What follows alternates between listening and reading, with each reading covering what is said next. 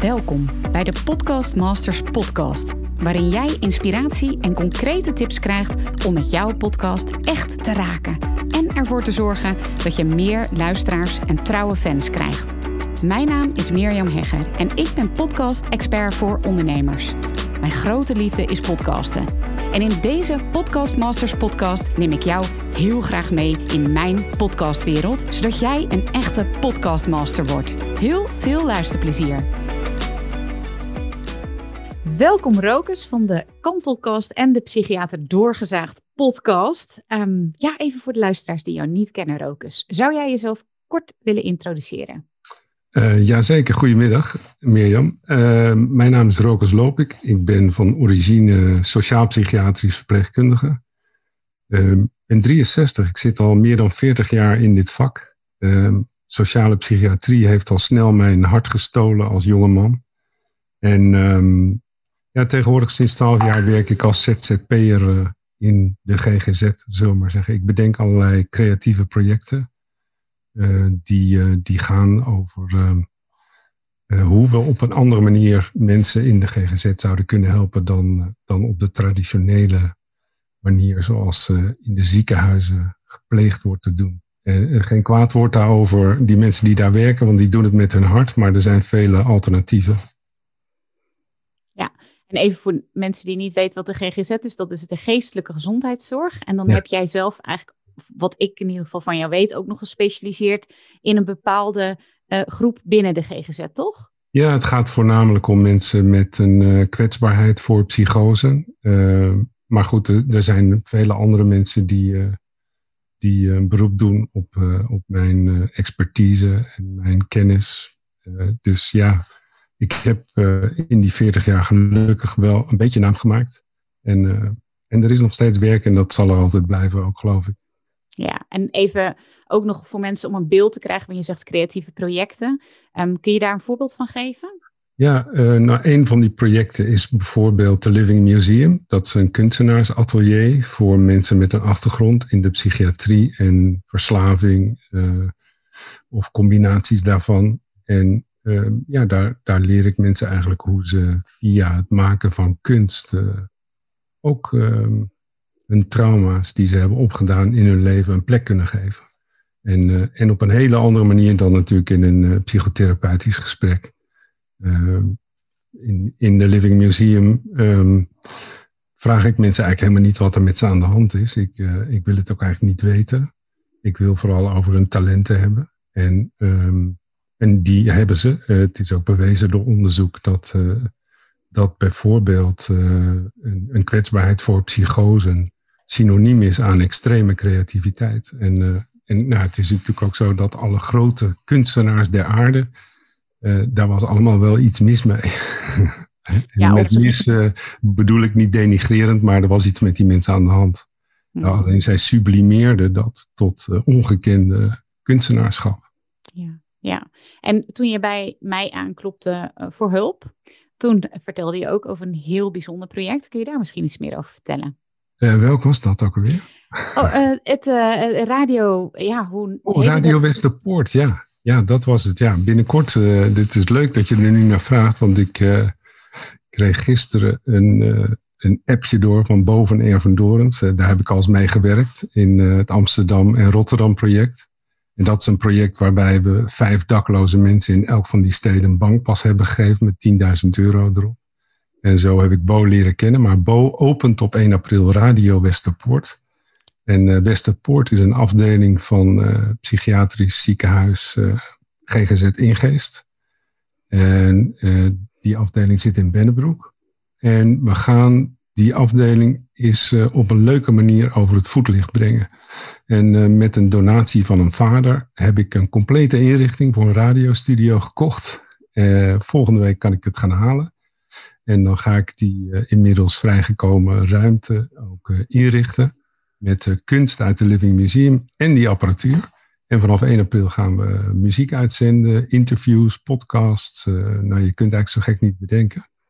Ja, echt. En daarmee hopen we hm. de, de wereld van de psychiatrie te ontsluiten voor de buitenwereld. Ja, wat ik heel mooi vond toen je daarover vertelde, toen we elkaar leren kennen, dat was dat de mensen in een instelling vaak ook, misschien letterlijk en figuurlijk, geen stem hebben, omdat ze daar in een instelling zitten. En dat jullie juist met Radio Westerpoort daar verandering in willen brengen. En dat vond ik ook zo waanzinnig inspirerend dat je ja, met deze mensen ook gaat podcasten en ze dus letterlijk en figuurlijk een stem geeft. Ja, ja, ja dat is ontzettend belangrijk. Het is die, eh, dit, dit, eh, deze afdeling zit nog op zo'n oud eh, psychiatrisch ziekenhuisterrein. Vogelenzang heette dat vroeger. En uh, ja, die, die, die ziekenhuizen werden altijd ergens aan die outskirts of the city gesitueerd. Buiten het zicht van de samenleving. En uh, met deze afdeling is dat helaas ook nog zo. Maar wij gaan, het is altijd, hoe, hoe krijg je de buitenwereld naar binnen? Dat is, jij moet naar de buitenwereld toe.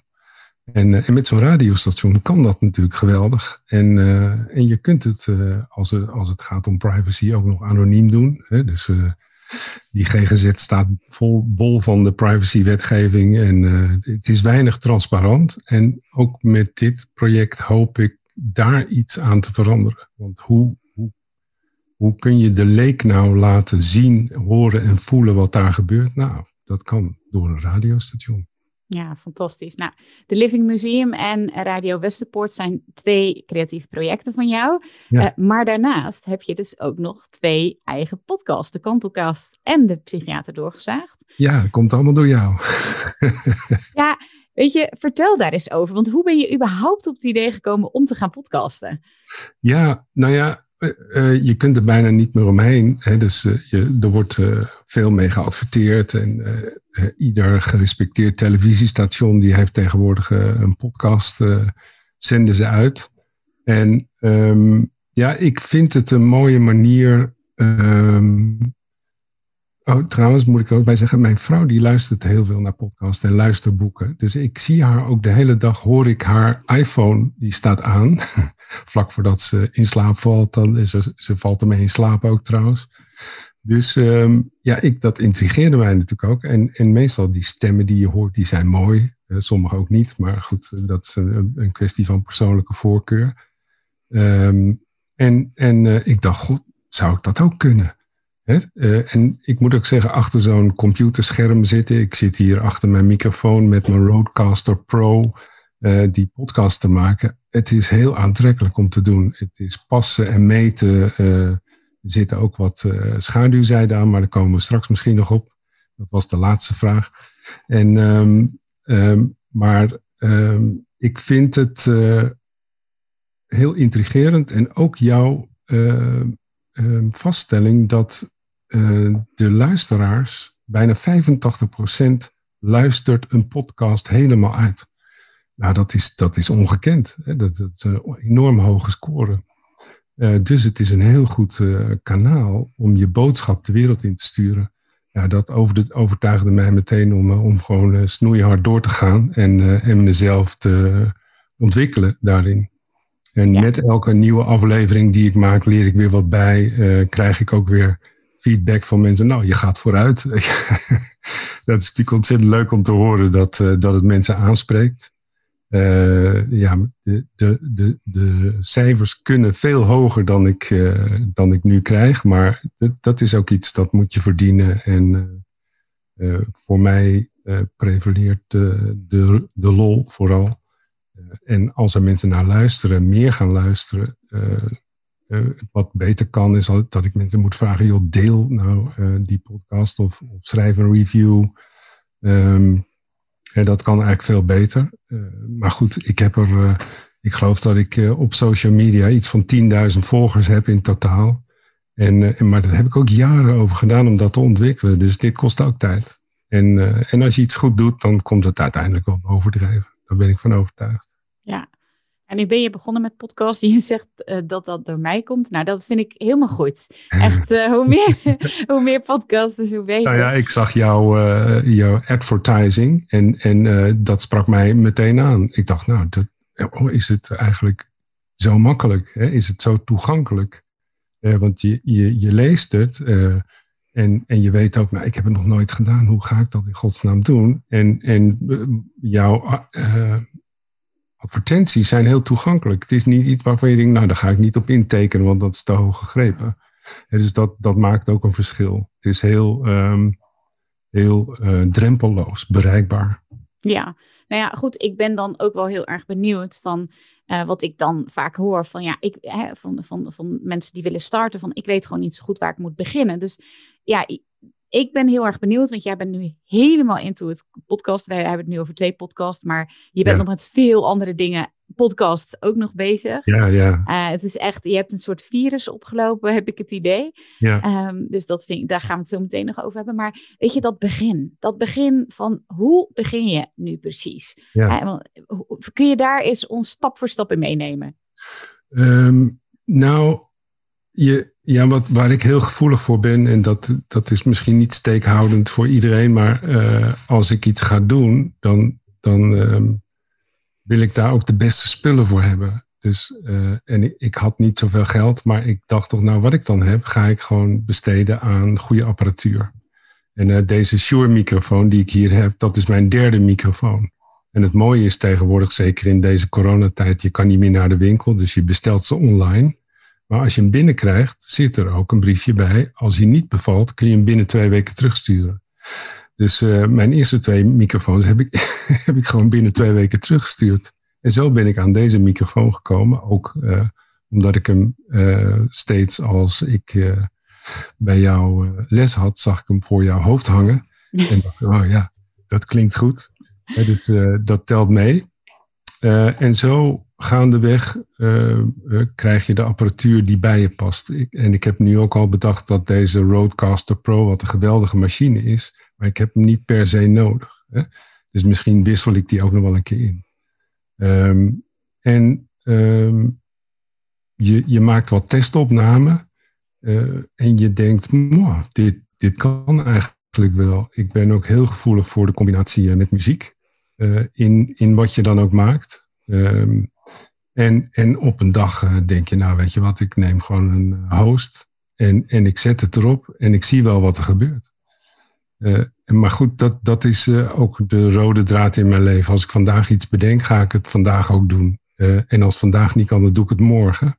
En ik heb weinig schroom om, om, om zo'n stap te maken. Dat, zo doe ik het niet alleen met dit, maar met al mijn projecten. En dus de Living Museum ben ik met 0 euro begonnen die, die, die, uh, voorzitter van de raad van bestuur hoe ga je het dan doen? Ik zei, nou, als jij mij een gebouw gunt, dan maak ik het schoon en dan zet ik de deur open. Dat is mijn businessplan. Zij, ze moest lachen en ze zei, nou oké, kies maar een gebouw uit.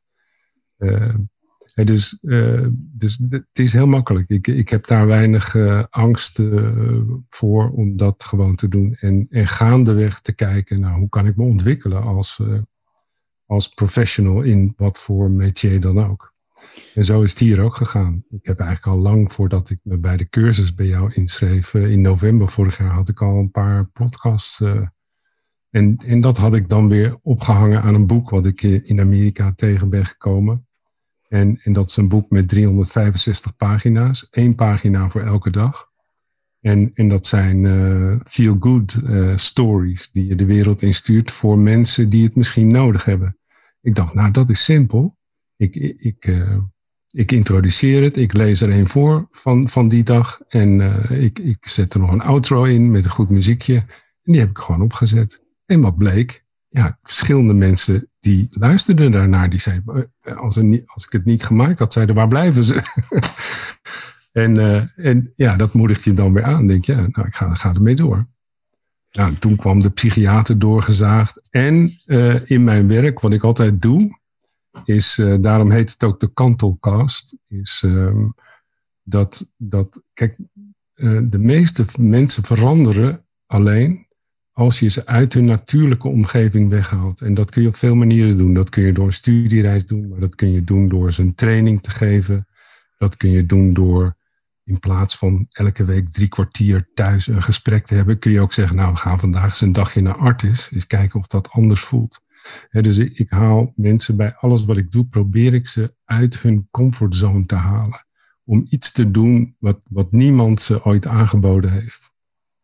En, en dan krijg je dat het zomaar kan gebeuren dat er kantelmomenten ontstaan. dus van de week gaf ik les en uh, ik vertelde dat. Uh, dat ik MAVO 4 herexamen wiskunde heb gehaald. Met maar één reden. En dat was toen ik dat herexamen deed. Toen stond de hoofdonderwijzer voor de klas om kwart voor tien. En hij zei, ik ga even koffie halen. Ik ben om kwart over tien terug. En in dat half uur heb ik alles van mijn buurmannen overgeschreven. Alles. En, uh, en, en die hoofdonderwijzer kwam terug. Hij ging naast mijn tafel staan en hij zei: Volgens mij heeft jouw buurman bij vraag 9 een ander antwoord. Dus ik zou er nog eens naar kijken. En zo heb ik mijn herexamen gehaald. En jaren later ben ik meneer Horne, want zo heette hij, ben ik hem gaan opzoeken. En toen vroeg ik hem: Deed u dat nou voor mij? Hij zei ja, voor jou onder andere, maar ook voor een paar anderen in de klas. Want ik wist dat als ik jou niet dat diploma zou laten halen, dan zou je jaren achterop raken. Nou, dat is een kantelmoment in je leven. En daar gaat mijn kantelcast over. dus ik stel mensen de vraag, uh, vier vragen eigenlijk. Uh, wat was een kantelmoment in je leven? Hoe zag dat kantelmoment eruit? Wat heb je ervan geleerd? En wat kunnen anderen daarvan leren? Nou, en iedereen heeft ze. Iedereen heeft ze. En, uh, en daar interview ik mensen op. Ontzettend leuk om te doen. Ja, ik zit natuurlijk meteen te denken aan mijn kantelmoment als het gaat over podcasten. Ja. Uh, ik denk toch ook wel dat het hem zit inderdaad in het gaan doen. Dus dat ik op een gegeven moment heel veel podcasts luisteren. En dat ik op een gegeven moment dacht van, maar ik wil ook gewoon podcast gaan maken. Want ik kan het allemaal wel tot me nemen. Maar ja. het lijkt me zo gaaf om ook uh, nou ja, dat was toen een heel andere podcast waar ik toen mee begonnen ben in 2016. Maar ja, dat is wel mijn kantelmoment geweest. Dat ik niet meer alleen maar ging luisteren, maar het ook daadwerkelijk ging doen. En dat weet ik ook nog echt heel goed. Dus ja, ja mooi, leuk, inderdaad. Ja, en, en, zie je nu zitten, je, je hebt een heel bedrijf eraan opgehangen, waar heel veel mensen uh, zeg maar aan meedoen. dat is fantastisch, toch? Ja, dat is wat je hoopt. Ja, dan gaat hier nu een alarm. Uh, oh, ja, alarm hoor ik. Ja, ja, klopt inderdaad. Nou, um, goed, dus dat begin, daar, daar neem je ons heel goed in mee, hè, van hoe, de, hoe dat nu eigenlijk is ontstaan. Um, ja, gooi je stroom van je af, want uh, ja.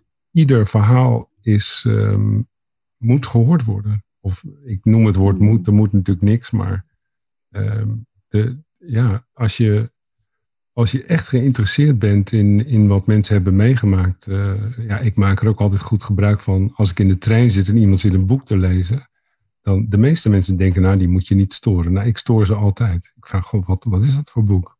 En uh, waar gaat het over? En dan binnen, binnen uh, no time zit je een uur met iemand in gesprek. Als je ergens naartoe moet wat ver weg is. En dan komen de levensverhalen op tafel te liggen. Nou, oh, bedoel, daar heb ik ook al eens aan gedacht. Ik ga gewoon in de trein zitten met mijn microfoon. Ja. En, ja. geweldig, wat een gaaf idee. Ja, nou, die ideeën voor podcast. Ik word helemaal gek sinds ik hiermee begonnen ben. Want elke dag heb ik wel weer een nieuw idee. Maar ik moet me echt intomen, want uh, voor je het weet uh, zit je met tien ideeën waar, waar, waar je er niet één van goed doet. Hè? Dus... Uh, ja, ik bewaar de vraag meestal tot het einde, maar echt eh, gezien jouw enorme creativiteit, kan ik gewoon niet wachten tot het einde. Want vertel eens even aan de luisteraars wat voor ideeën, maar ook echt daadwerkelijk waar je mee bezig bent. Hè? Op het gebied van podcasten, jij dan allemaal bedenkt en dus ook gaat doen. Nou, um, ja, dat Radio Westerpoort gaat er aankomen. Dus, uh, hè, dus sowieso wat ik. Uh, daar wil ik mensen voor de microfoon halen. Het liefst be, iets bekendere Nederlanders ze zeggen één op de vier mensen kent iemand met wie het niet goed gaat. En ik denk dat het cijfer veel hoger is, zeker in deze coronatijd, zal gaan blijken. Um, en ik wil die verhalen graag horen. Wat heb je meegemaakt? Waar kom je vandaan? Uh, dus dat Radio Westerpoort gaat ook een belangrijk iets worden, denk ik. Ik. Ik moet die mensen natuurlijk ook gaan helpen om dat te ontwikkelen. Um, ik ga 1 juni ga ik naar Santiago fietsen voor het goede doel. Um, en um, dat zijn ongeveer 2300 kilometers die gesponsord gaan worden door mensen. Dus ze kunnen elke kilometer kunnen ze met 5 euro sponsoren, ondersteunen. En onderweg uh, maak ik allerlei stops. In België maak ik al tien stops bijvoorbeeld, waar ik mensen ga interviewen. -hmm. uh, op de meest uiteenlopende plekken, ook bij kampvuurtjes, bij mensen thuis die in gekke huizen wonen. Uh, bij artiesten, schrijvers, uh, nou ja, noem maar op. Um, uh, dus ja, dat wordt naar Santiago fietsen in 45 dagen. Dus nou, dat gaat heel veel gesprekken opleveren.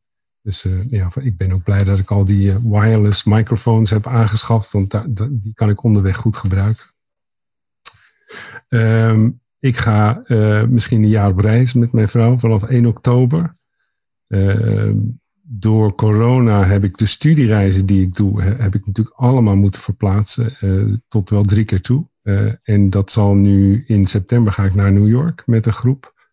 En in oktober naar Zweden weer met een groep. En ja, daar ga ik natuurlijk ook stevast mijn microfoons meenemen. Dat kan niet anders. Want ik, ik leg tegenwoordig alles vast. Ik heb nu ook altijd een Zoom in mijn tas zitten. Dus waar ik ook ben, als ik denk, oh, dit, dit kan ik niet missen, dan neem ik het op. Um, ja, en even voor degene die dat niet weet, een Zoom is dus een opnameapparaat. Ja, ja. ja. En een andere podcast, uh, dat, die, die, ja, die, die uh, vat ik ook onder uh, zeg maar de kantelcast die ik maak. Maar dat is een aparte rubriek. het was drie weken geleden ontzettend koud, zoals je weet in Nederland. Heeft iedereen gevoeld. En op een dag komt een sociale ondernemer uit Amsterdam, Marnix Geus, komt een dakloze man tegen op straat. En ehm, hij was zo aangedaan doordat die man daar stond. Het was min 15, gevoelstemperatuur min 20. Dus hij vroeg, wat kan ik voor je doen? En hij heeft hem een aantal nachten in een hotel uh, geplaatst. Uh, kamer en overnachtingen voor hem gekocht. Uh, hij postte daar één bericht van op LinkedIn. Eén kort bericht met de vraag, wie zou nog wat meer nachten willen sponsoren? Nou, dat bericht ging viral. Dat ontplofte. En hij haalde binnen 48 uur 30.000 euro op voor deze man. 30.000 euro. Ik, uh, ik heb ook een paar nachten uh, betaald en ik heb contact gezocht met Marnix.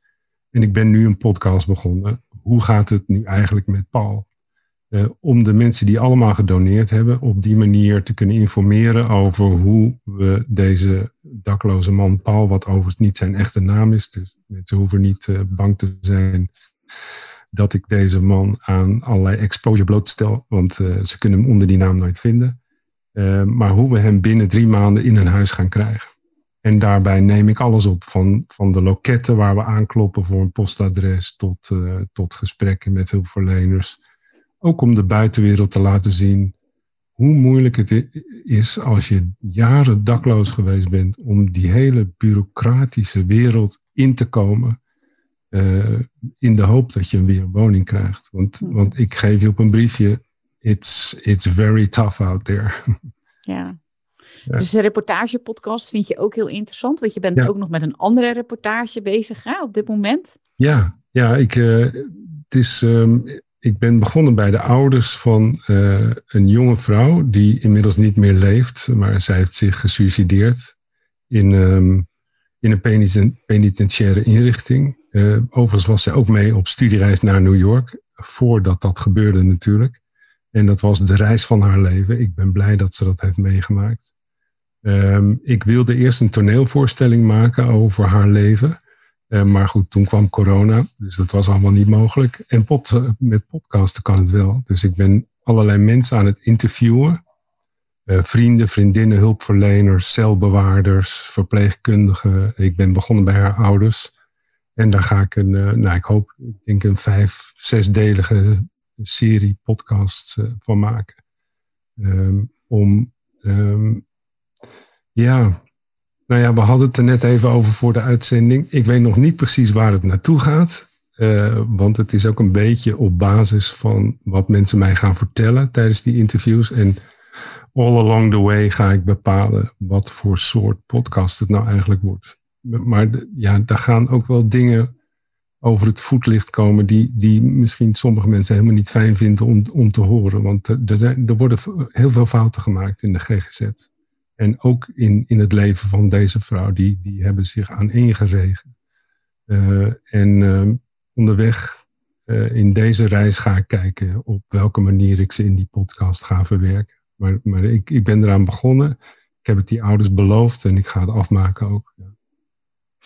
Ja, fantastisch waar je allemaal mee bezig bent. En als je daar nu naar kijkt, hè, en, en ook ja, misschien hoe je daarvoor met dit soort verhalen omging eigenlijk.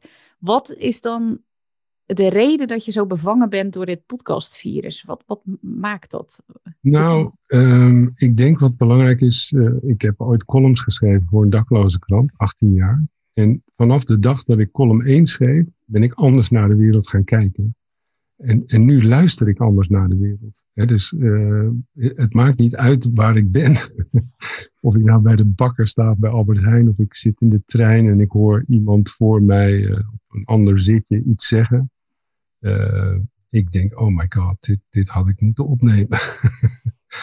en uh, dus ja, de verhalen liggen op straat. En, en met podcasten um, geef je het net iets meer gezicht dan in een column bijvoorbeeld. Want je hoort iemands stem.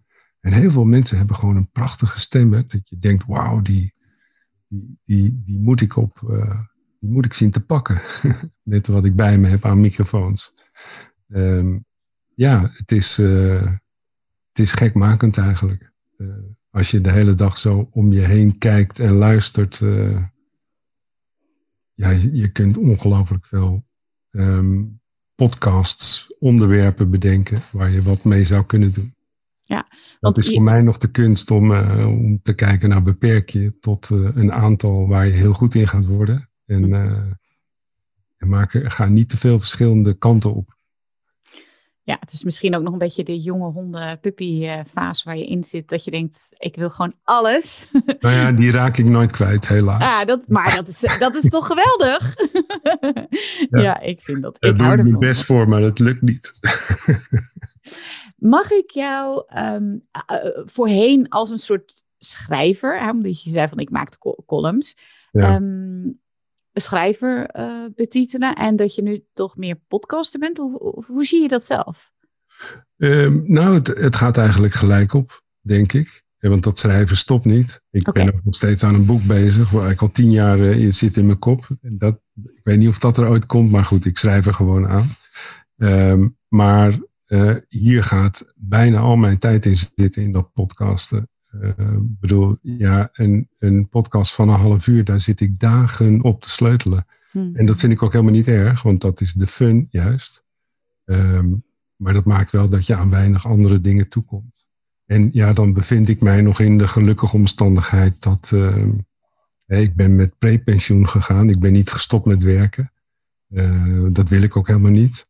Maar ik heb in tijd meer ruimte voor mezelf gemaakt door mijn pensioen gewoon eerder aan te spreken. Uh, waardoor ik tijd heb voor dit soort dingen. En, en ik ben er blij mee, want het maakt mij extreem gelukkig om dit te doen. Wauw. Ja. Ja, fantastisch. Um, wat, als jij zelf kijkt naar een podcast hè, en, en je hebt een aflevering gemaakt, wat maakt dan voor jou een goede aflevering of een goede podcast? Um, nou, de, de, ja, de, het, het, hangt van timing aan elkaar. Je, je kan een seconde te laten muziek inzetten en daar, daar kan ik dan uren op zitten sleutelen. Ja, ja. ja maar het is, een podcast is echt timing. Of, uh, en ik, en ik, ik denk, ik weet niet of het zo is, maar ik maak me sterk dat, uh, dat dat ook onderscheidend is of mensen blijven luisteren of niet. Er moet een flow in zitten. Dus, en dat begint al bij, uh, bij je intro muziek die je maakt hoe lang laat je dat duren? En dat, dat doe je natuurlijk op je gevoel. Um, maar, maar soms zit ik met een aflevering enorm te klooien, alleen al aan de eerste vijf minuten. Uh, want je wil dat, dat, dat het eh, onderwerp van die podcast mensen meteen pakt.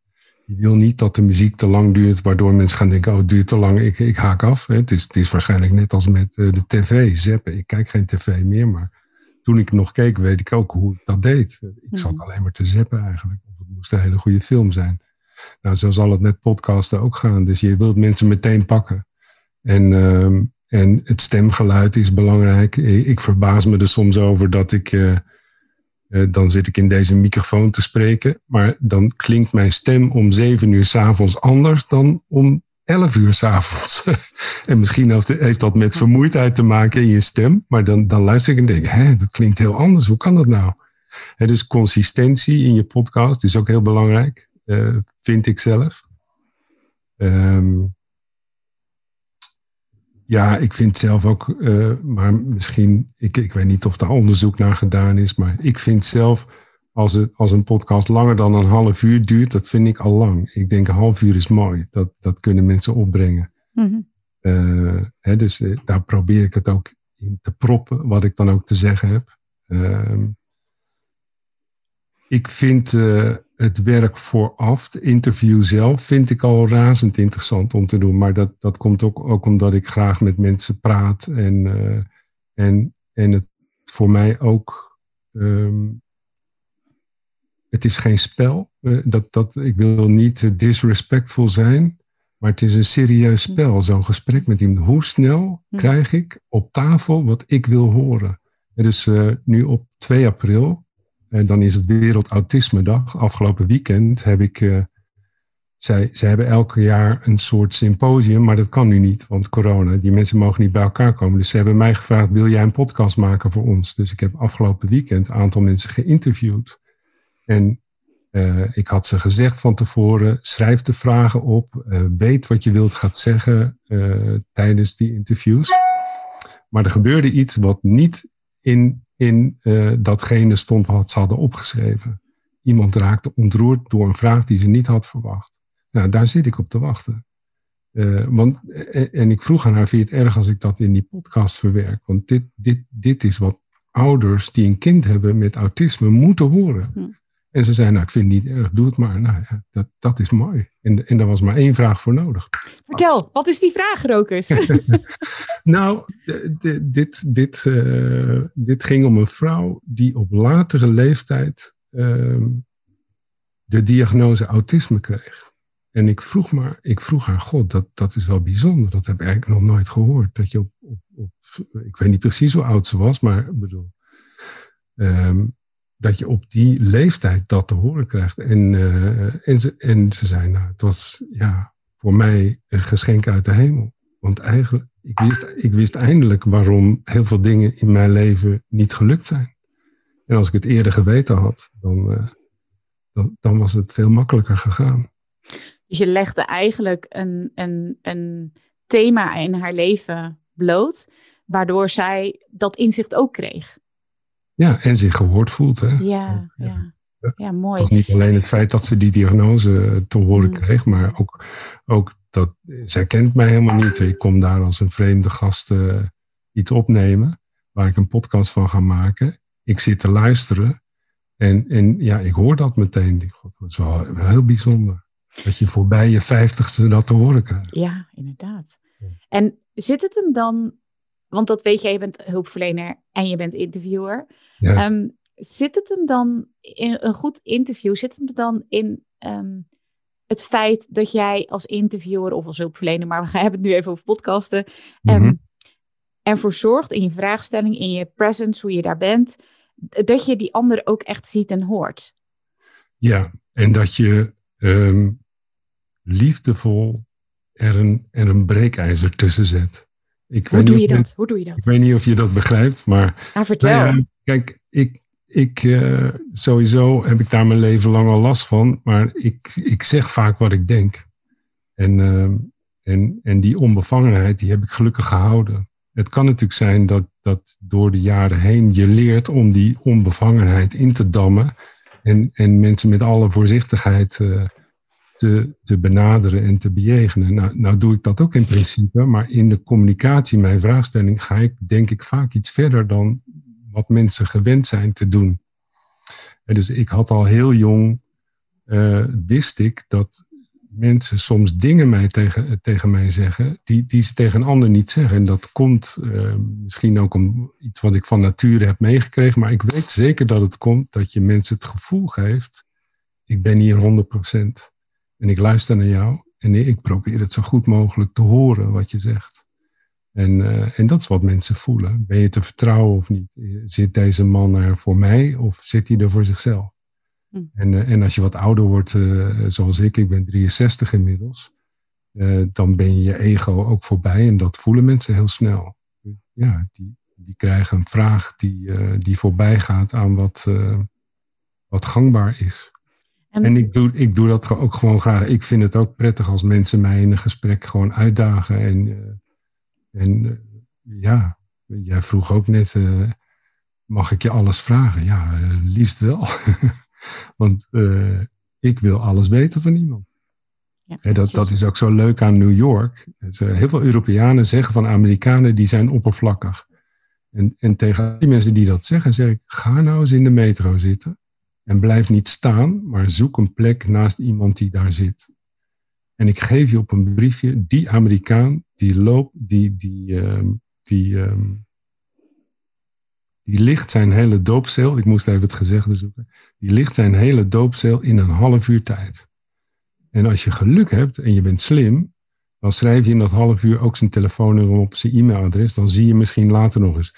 Als je je laat leiden door de snelheid waarmee New Yorkers leven, dan ben je binnen een half uur kwijt. Maar, maar neem jezelf serieus. Als je, als je zo'n gesprek hebt en je wilt iemand graag nog een keer ontmoeten, nou, vraag ernaar. New Yorkers zijn de meest open mensen die ik ken.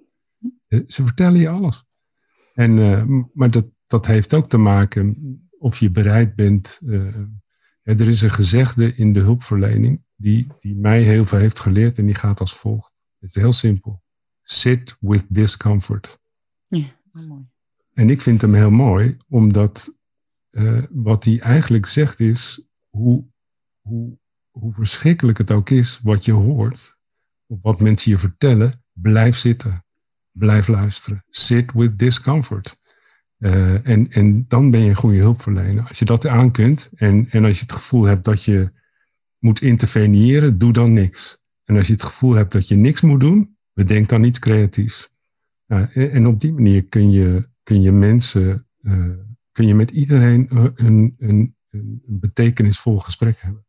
En dat is waar ik ook met podcast natuurlijk op uit ben. Ik bedoel, ja, je wil toch iets onderscheidends horen en, en zien. Of, wat, wat, maakt dan iets onderscheidend voor jou, Rokus? Um, als, kijk, wat ik belangrijk vind is dat de mensen onze wereld zijn gaan zien alsof het de echte wereld is. Mijn wereld is een wereld waar ik bij wijze van spreken nu naar buiten zou moeten kunnen lopen, mijn Pro Roadcaster uh, op de stoep zet en als ik over zes uur terugkom, dat hij er nog staat. Dat is mijn wereld. Eh, maar iedereen waarschuwt elkaar maar voortdurend. Wees niet al te open. Eh, pas op je spullen. Eh, we, we leven in een samenleving die niet bedoeld is zoals het zou moeten zijn. Ik wil in een wereld leven waarin ik jou alles kan zeggen over wie ik ben. Zonder dat je me daarop afrekent. En ik ben vrij koppig. Ik probeer daar aan vast te houden. Daarom, stel ik ook vragen die voor andere mensen misschien lastig zijn. Dus, uh, vorige week gaf ik les uh, aan mensen die bemoeizorg plegen. Nou, bemoeizorg is hulpverlening aan mensen die eigenlijk helemaal niet openstaan voor hulpverlener. Ik gaf ze de opdracht. Uh, met die vier kantelvragen stuurde ik ze. En, en ik vroeg ze, zou je in die les vijf minuten willen nemen om een kantelmoment van jou te presenteren. En een aantal mensen mailden terug dat ze een te persoonlijke vraag vonden. en toen dacht ik, hè, maar je, je werkt met mensen die, die uh, alles hebben verloren in hun leven.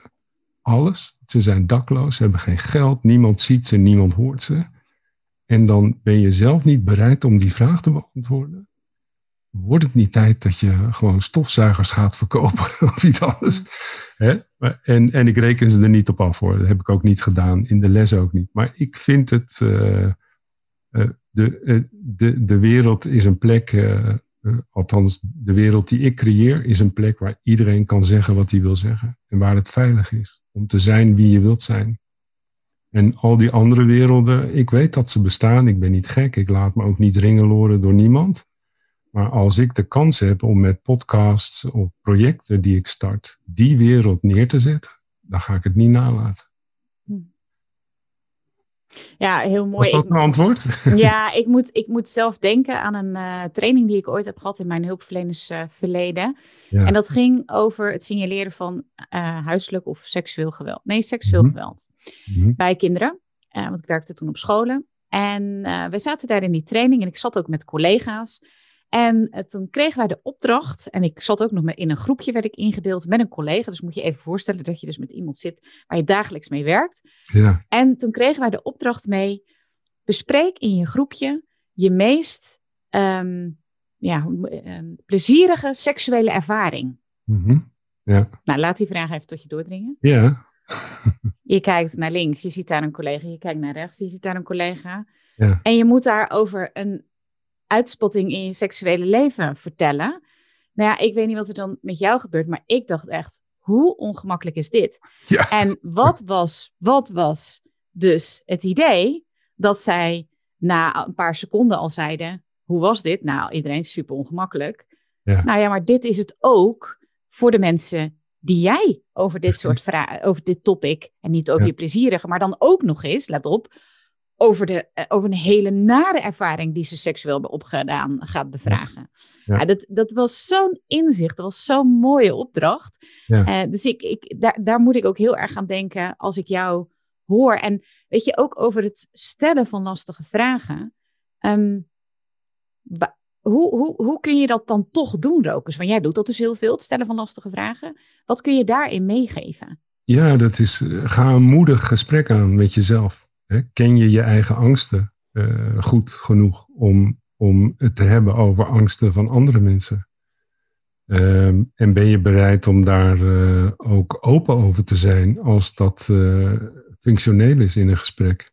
Het is, eh, het is lang niet altijd functioneel om, om het over je eigen ervaringen te hebben, maar heel vaak wel. Ehm, want mensen voelen zich eh, gehoord. Eh, de meeste mensen die iets ernstig over, overkomt, die, denken dat ze alleen op de wereld zijn. Dat, dat er niemand anders is die dat meegemaakt heeft. Nou, dat is helemaal niet waar. Jammer genoeg eh, ja, zijn er heel veel mensen die de verschrikkelijkste dingen hebben meegemaakt. Mijn vrouw zat dit weekend naar een luisterboek van Karin Bloemen te luisteren. Oeh, ja. Ja, na, en na elke tien minuten moest het uitzetten. Ja. Het is verschrikkelijk wat ik hoor. Het is verschrikkelijk. En, eh, en dan is het Karin Bloemen, hè, dus iemand die bekend is. En, en, maar goed, de, het, is- dit seksueel geweld, misbruik, eh, het discrimineert niet. Het overkomt iedereen. Ehm, dus waarom zouden we het er niet over hebben als het mensen helpt? Dus eigenlijk is het ehm, hè, precies wat jij zei, hè, sit with disco- discomfort. Ja. Is dus niet zozeer discomfort van de ander dragen, maar van jezelf. Ja, precies. Ken je je eigen angsten? Hmm. En dat is, eh, dat is iets wat, ehm, Hmm.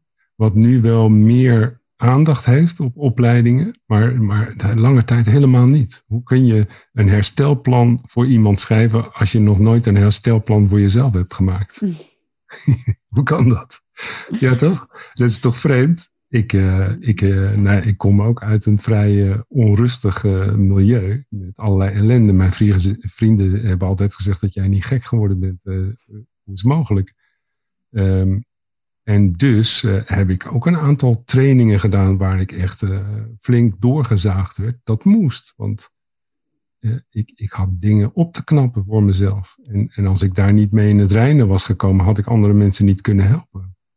Dus, het is zo wonderbaarlijk als alleen al als ik hier, ik woon hier in Amsterdam Noord, er is net een Albert Heijn gekomen en dan, dan, dan loop ik de straat in naar Albert Heijn.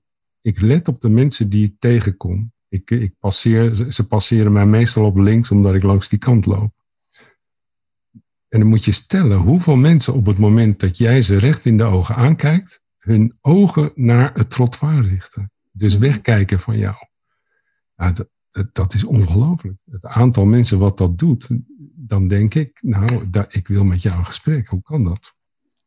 En want dat is dus al, al een barrière voor veel mensen, dat je ze recht in de ogen aankijkt, dat je geïnteresseerd bent. En eh, mijn vrouw wordt er wel eens gek van, want ook als we op vakantie zijn, ja, ik zoek altijd oogcontact. En, en met heel veel mensen heb je het, ja, dan heb je een gesprek. Ja, precies. Want wat zou je die mensen dan willen vragen? Als ze kijken, je, je- je loopt, je loopt naar de Albert Heijn, je ziet iemand, je kijkt en je ziet iemand naar het trottoir kijken. Wat voor Ja. vraag zou je diegene dan willen stellen? Nou, kijk, dit- ik, ik heb ook niet behoefte om met iedereen te praten, maar het intrigeert mij dat het zo is. Ja, ja. En, en dat iemand dus eh, zo'n laag zelfbeeld kan hebben, Mhm. Dat, dat de instinctieve reactie is om meteen weg te kijken. In plaats Vind je dat van, een laag zelfbeeld? Vind ik wel interessant. Ja, dat, ik denk het dan, denk ik. Ik weet niet of het zo is, het is een aanname. Ja, grappig. Ik, ik zelf. eh, Maar ik zie ook heel veel mensen die wel, eh, die juist dan, oh, die zien mij kijken en, die zeggen dan, het is vaak gedag. Het is heel grappig, want ik woonde hier net. En op een gegeven moment komt de man van PostNL. die, die zie ik voor de eerste keer. Een pakketje, de microfoon die hier hangt. Nee, dat was de andere, was de eerste. En, uh, en ik vraag aan hem, zei, hoe heet je? En die man, die, hij, hij kreeg een wegtrekker, maar een positieve wegtrekker. En hij zei, uh, je bent de eerste in zes weken hier die mij vraagt hoe ik heet. Nou, dat is toch ongelooflijk. Die man staat hier elke dag om half twee, want iedereen uh, koopt online. Dus ja. elke dag is hij hier. En dus ik had uh, op, we hebben zo'n Facebookpagina voor alle bewoners hier. Daar heb ik op gezet, jongens, die man heet Ali. En uh, morgen als hij komt, bedank hem, weet je Wat superleuk. Nou ja, grappig dat je het dus inderdaad op die manier um, labelt als, als weinig zelfvertrouwen. Omdat ik ook wel, ik probeer echt wel, zeker wel ook gedachten zeggen. Dat, ja. dat zeker wel hier in de buurt. Ehm, maar ik heb ook wel eens ochtends bijvoorbeeld dat ik de hond uitlaat en dat ik dan gewoon echt even geen zin heb in contact. Ja, En dan kijk ik ook naar de vloer. En ik heb niet echt het idee dat, dat ik laag zelfvertrouwen of zo heb. Nee, dus, maar dat ehm, zie je ook meteen. Of iemand open staat of niet open staat. Hm. Begrijp je? Dus je kunt heel veel aflezen aan iemands. Uh, het is niet zo dat iedereen die wegkijkt uh, laag zelfbeeld heeft. Mensen hebben goede reden om uh, te doen wat ze doen. Of te zeggen wat ze zeggen. Daar ga ik van uit. Ja. Um, maar ik, ik, ik zie wel, en zeker, ik had er heel veel last van vorig jaar in maart toen corona ineens een hot topic was. Dat mensen een boog maakten om je heen, je niet meer aankeken. En dacht ik, come on mensen, weet je, als we elkaar nou nodig hebben, dan is het wel nu. Mm. ja. Uh, dus nee, zeker niet, geldt niet voor iedereen. Ik heb ook wel eens geen zin, gebeurt bijna niet, maar uh, het is, uh, ja, ik vind het wel opvallend dat het zo is. Nou, laten we nog eens even terugkijken naar hè, wat je verteld hebt. Je hebt aangegeven van um, om, om een podcast te gaan maken, gewoon beginnen en stel je nieuwsgierig op. Dan heb je ook nog een aantal hele goede um, ja, uh, handvatten gegeven hoe je een goed uh, gesprek kunt voeren, hoe je echt uh, er kunt zijn en goede vragen kunt stellen. Ja. Um, en ja, ik vraag me eigenlijk. Nou ja, weet je, nog even over die kantelkast. Want daarin mhm. geef je drie vragen. En ik denk dat het nog wel heel erg leuk is om die nog een keertje te herhalen. Omdat ik denk dat het hele mooie vragen zijn voor wat voor podcast je dan ook hebt. over planten of over uh, gordijnen, zit ik nu te kijken. Of over uh, burn-out bij, uh, bij, bij jongeren. Ja. Um, als je echt een, een, een goed gesprek wil hebben om die drie vragen te stellen. Ja, ja wat kun je een kantelmoment benoemen in jouw leven? En soms vragen mensen uitleg over die vraag. Eh, wat is een kantelmoment? Ja. Uh, dat, dat is het moment dat je iets meemaakte waardoor je bedacht, ik ga het roer omgooien. Mm. En hoe zag dat kantelmoment eruit? Was het iets wat iemand zei, een zin, een woord, een handdruk die net iets steviger was, of een actie die iemand gepleegd heeft voor je? Uh, wat heb je van dat uh, kantelmoment geleerd? En wat kunnen anderen daarvan leren? Dat zijn eigenlijk de vier vragen. Ja. Ja, super mooi. Ja, super mooi. Ik ben natuurlijk heel erg benieuwd, net als de luisteraars, dat weet ik zeker. Ja, hoeveel, nee, niet hoeveel. Wat voor prachtige podcast heb je allemaal gemaakt, Rokus, over vijf jaar? Wat, hoe zie jij het voor je? Oeh, oh wauw. Um, ja, nou deze ga ik wel verder uitbouwen, die kantelkast natuurlijk. Die, de psychiater doorgezaagd ook. Hè. Dat, dat gaat over prangende vragen die mensen hebben aan een psychiater bijvoorbeeld. En uh, dat over, wordt ook al uh, heel lastig, want die, die psychiater denkt heel anders over uh, behandeling dan ik. Als ik, wat is het dan of als? Als. Als, als ik. ik. En dus, uh, en dat is een hele goede vriendin. Dus dat, dat gaat ook wel uh, schuren op een moment. Maar daar ben ik ook benieuwd naar. We zullen zien wat er gebeurt. Uh, dat reizen, dat, dat, dat wil ik, ik. Ik ben dol op reizen. Dat reizen doe ik vooral graag omdat ik steeds maar met andere culturen in aanraking kom. En daar podcast van maken, dat vind ik geweldig interessant. Ik ben afgelopen 15 jaar in zoveel landen geweest. En ik, oh, ik vind het verschrikkelijk dat ik toen nog niet aan het podcasten was. Want wat ik daar heb laten liggen aan opnames, nou, dat is gigantisch. Kantelmomenten in, in de levens van mensen die mee zijn geweest op die reizen. Teams die ik getraind heb, uh, congressen die ik gedaan heb en ontmoetingen. Dus um, ja, daar heb ik ontzettend veel laten liggen door geen uh, uh, opnameapparatuur bij me te hebben. Maar dat, dat ga ik de komende jaren echt zeker veel, veel, veel meer doen. Ja. Supermooi. Je, bent nu, je hebt in ieder geval een, een, een, heleboel mooie afleveringen opgenomen. En wat is tot nu toe je grootste inzicht als het over of je, je belangrijkste les of als het gaat om podcasten? Um, nou, uh, mijn grootste inzicht. Oeh. Daar moet ik even over nadenken.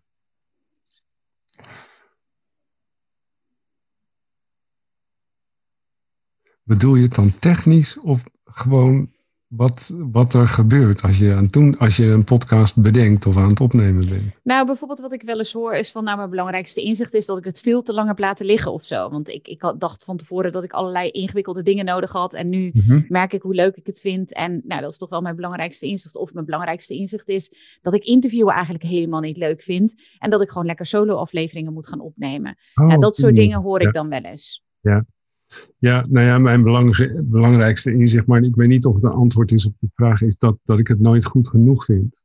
Mm. en, en dat ik uh, met elke nieuwe aflevering weer iets nieuws geleerd heb. En uh, het, ik, het, is eigenlijk ook uh, een enorme quest om, om te gaan monteren. want ja, het is eigenlijk nooit goed genoeg. Uh, maar dat had ik ook met columns schrijven. Als ik nu columns lees die ik twintig jaar geleden geschreven heb, denk ik, man, verschrikkelijk. Ze niet, niet, niet te lezen. Mm. en misschien gaat het met podcasts straks ook wel zo. Uh, maar dat, dat is ook wel weer mooi, want je legt elke keer de lat hoog. En, uh, maar ook omdat het zo. dus de opnames die je maakt, het gaat niet eens om wat mensen gezegd wordt, maar ook de sterkte waarmee je het hebt opgenomen. Oh, de de, vorige week zat ik uh, die dakloze man in, in dat hotel te interviewen. En, en toen begon de receptionist te stofzuigen. Terwijl ik op dat moment, toen zei hij dingen, dacht, wauw, dat heb ik nu. Maar ja, die opnames zijn onbruikbaar, want wat hoor je? Die stofzuiger. Ja, dus ja, er is zoveel om op te letten. Ja. Uh, als je bezig bent. Uh, dat, dat is ongelooflijk gedetailleerd. En, en dan maar hopen dat dat moment dat je echt wilt hebben, dat je het te pakken hebt. Hmm. Want ze komen in elk gesprek naar voren. Alleen heb ik het goed genoeg voorbereid om te zorgen dat ik het gepakt heb. Ja. En uh, ja, dat is, dat is ook een belangrijk inzicht. Dus ik heb nu ook gemerkt dat uh, als ik zelf voor deze microfoon de intro's en de outro's, ik schrijf ze nu allemaal uit. En dan lees ik ze mezelf vijftien keer voor. Uh, zodat ik hem vloeiend. Uh, want als ik het ga voorlezen, dat klinkt niet. Mijn vrouw, mm. die eerste podcast, zei ze: Man, wat klinkt dat staccato? Toen wist ik al, ja, nou, ik weet wel waarom. Ik heb het gewoon voor zitten lezen. Dus nu oefen ik dat verhaal zo vaak dat, dat ik het zo eruit kan uh, gooien als het echt nodig is. En dan, en dan klinkt het ook nog natuurlijk. Terwijl ik het toch heel goed voorbereid heb. Het is hetzelfde uh, ik las ooit een interview met James Brown. Die had de JB's, dat is een band van twintig man achter zich. En iedereen zei ook altijd tegen hem, ah, jij schudt, het zo uit je mouw. Nou, de waarheid was, hij had alles stuk gerepeteerd. Echt tot in de details. Zijn bandleden, als ze een drumslag misten, dan kregen ze een boete van hem. Moesten ze geld inleveren van het optreden. Uh, en daarom kon hij improviseren omdat alles stuk gerepeteerd was. Nou, hmm. dat probeer ik met het podcasten ook zo te doen. Bij elk interview leer ik iets meer over. Uh, uh, je leert ook heel goed luisteren trouwens. Want je weet dat als mensen door elkaar gaan praten, hmm. ja, dat, dat kan je niet monteren. Hmm. Dus uh, ik leer mensen ook, laat iemand uitspreken. En, en als het echt niet anders kan, dat zijn die, dan die momenten van ontroering die je, die je hoopt te pakken, dan, dan gebeurt het toch wel. Als iemand begint te huilen en een ander reageert erop, dan moet je het ook laten gebeuren. Um, maar ja, je wordt een hele goede luisteraar ook als podcaster. Ja. Wat is hetgeen wat jouw podcast het belangrijkste wat het tot nu toe jou heeft opgeleverd? Um, nou, ja, ik weet niet of dat nou een beetje pathetisch klinkt, maar ehm, dat ik het kan. Uh, en dat, uh, dat, je, dat ik iets ontdekt heb waar, waar, ik, uh, waar ik misschien ook talent voor heb. en dat is, vind ik wonderbaarlijk. Dat, dat, dat, dat je bent als mens toch altijd geneigd om te denken, nou, ik heb mijn plafond bereikt en ik ga mijn, mijn, ehm, mijn grenzen niet verleggen. Maar door dit te gaan doen, ja, ben ik erop uitgekomen. Nou, ik, volgens mij kan ik dit wel. En, uh, en dat, ja, dat vind ik wonderbaarlijk. Want de meeste mensen denken dat het niet voor hun weggelegd is. En dat is niet waar. die, die jongen die jij vorige week had over die sociale angst. Wat een verhaal. Die, Remco, ja. ja. Komt ook nog in de podcast trouwens. Ja. ja, nee, precies. Ik hoorde dat je hem ook ging interviewen. Nou ja, fantastisch verhaal. Ja. En ik zit naar die jongen te luisteren en ik denk, wat een authentieke jongen is dit. Hè? Mm. Er zit niks gespeeld in, niks gemaakt. En, en ik kan me zo maar voorstellen, nou, die jongen, daar wil je naar luisteren. Mm. dat, dat, en je wilt blijven luisteren. Hij is zo leuk en zo aardig. Mm. En, en toch is het een jongen die je, die je niet veel op straat ziet, want ja, hij heeft angsten. En, en dat, is, uh, dat is mooi, hè? Zo'n tegenstelling. En, en zo'n jongen die gaat dat doen. En, en die wordt uitgenodigd in een radio-uitzending. En de wereld gaat voor hem open. Nou, dat is nou echt een kantelkast. Ja, ja. inderdaad. Ja, eh, en, en uh, daar ben ik naar op zoek, die verhalen. Ja, ja, maar goed, het belangrijkste wat het jou heeft opgeleverd is dat je dus gemerkt hebt, dit is wat ik kan, dit is wat ik leuk vind. En ja. Wauw, ja, nou dat vind ik ook wel echt uh, super gaaf om te horen hoor. Ja, dat, nou, uh, dank je wel. Ja, ja, ja. Ja, echt, echt super. Is er iets wat ik vergeten ben te vragen of wat jij nog mee wil geven aan de luisteraars? Nou, ontzettend veel. Ik zou er nog uren over kunnen hebben. Uh, maar nee, ik, weet je, ik, vond, ik ben al vereerd dat je me gevraagd hebt hiervoor. En ik vind het ontzettend leuk. En ik, het sterkt mij alleen maar om verder te gaan. En, en jou nooit teleur te stellen in wat ik nog op het net ga zetten. oh jeetje. Nou, misschien is mijn vraag dan. Wat als, als mensen één ding meenemen uit deze. We hopen natuurlijk veel meer. Maar stel je voor dat ze. Dat, wat is nou het belangrijkste dat jij vindt dat ze meenemen uit deze podcastaflevering? Uit deze die wij net. Uh, die wij net hebben opgenomen. Mm, nou, verras jezelf. Doe iets wat buiten uh, je eigen verwachtingspatroon ligt. Zet er een breekijzer tussen en bedenk iets creatiefs en ga het meteen doen. Rokers, ik wil je super bedanken. Nog eventjes voor degene die jouw podcast willen opzoeken. De Kantelkast en de Psychiater Doorgezaagd. En er komt nog veel meer aan. Dus uh, gewoon even zoeken op Rokers Loop ik. En Rokers is met een K en Loop ik is met dubbel O of één O? Dubbel O. Ja. Dubbel O en een K aan het einde. Dus zoek Rokers even op en dan wil ik jou heel erg bedanken, Rokers. Ik wil jou bedanken. Graag gedaan. Ik hoop je nog vaak te spreken. Heb een fijne avond.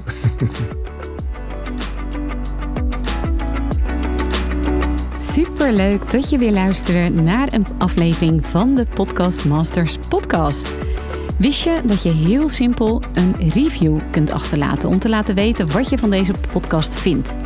Het is heel eenvoudig. Ga naar de podcast-app waarmee je deze podcast luistert en klik op reviews. Laat bijvoorbeeld 5 sterren achter en als je wilt ook nog een geschreven review. Hartstikke bedankt. Ben je door deze podcast enthousiast geworden en wil je nu eindelijk ook jouw eigen podcast starten? Dan heb ik iets heel tofs voor je. Een gratis podcast stappenplan waarin je op één A4'tje het fundament neerzet van jouw eigen podcast. Ook als je nu nog niet precies weet waar jouw podcast over zou moeten gaan of als je je afvraagt of er wel iemand op jouw podcast zit te wachten of als je misschien opziet tegen de alle technische shizzle. Ga naar mirjamhegger.nl slash stappenplan en daar download je het podcast Stappenplan helemaal gratis. Wil je voortaan alle nieuwe podcastafleveringen van deze podcast overzichtelijk onder elkaar? Abonneer je dan op deze Podcast Masters podcast. Klik in je podcast app op de button subscribe en je ontvangt automatisch een berichtje als er een nieuwe podcastaflevering is verschenen. Vind je deze podcast nou interessant en ken je iemand die ook een eigen podcast wil starten of luisteraars wil en baat zou hebben bij deze podcast? Dan zou ik het echt enorm waarderen als je met je volgers of collega's deze podcast even deelt of een aflevering doorstuurt. Als je via Spotify luistert, dan kan dat heel eenvoudig door als je in de Spotify-app bent, naar de drie puntjes te gaan en dan te klikken op delen. Wil je nou direct meer inspiratie over podcasten? Elke dag deel ik op mijn Instagram-account interessante tips en behind the scenes over mijn eigen podcast-inzichten en avonturen. Ga naar instagram.com slash Mirjam Hegger podcastexpert. En dat lijkt misschien een hele mond vol, maar als je naar Instagram gaat en gaat uh, of zoekt op Mirjam Hegger, Mirjam met een J en Hegger met een R aan het einde, dan verschijnt hij vanzelf al in je zoekbalk. Ik vind het ook super leuk als je even laat weten wat je les of inzicht uit deze podcast hebt gehaald. Dus stuur me ook zeker even een berichtje via Instagram of LinkedIn als je jouw podcast gelanceerd hebt. Op LinkedIn kun je me vinden op mijn naam Mirjam Hegger. Nogmaals, onwijs bedankt voor het luisteren en heel graag tot de volgende keer.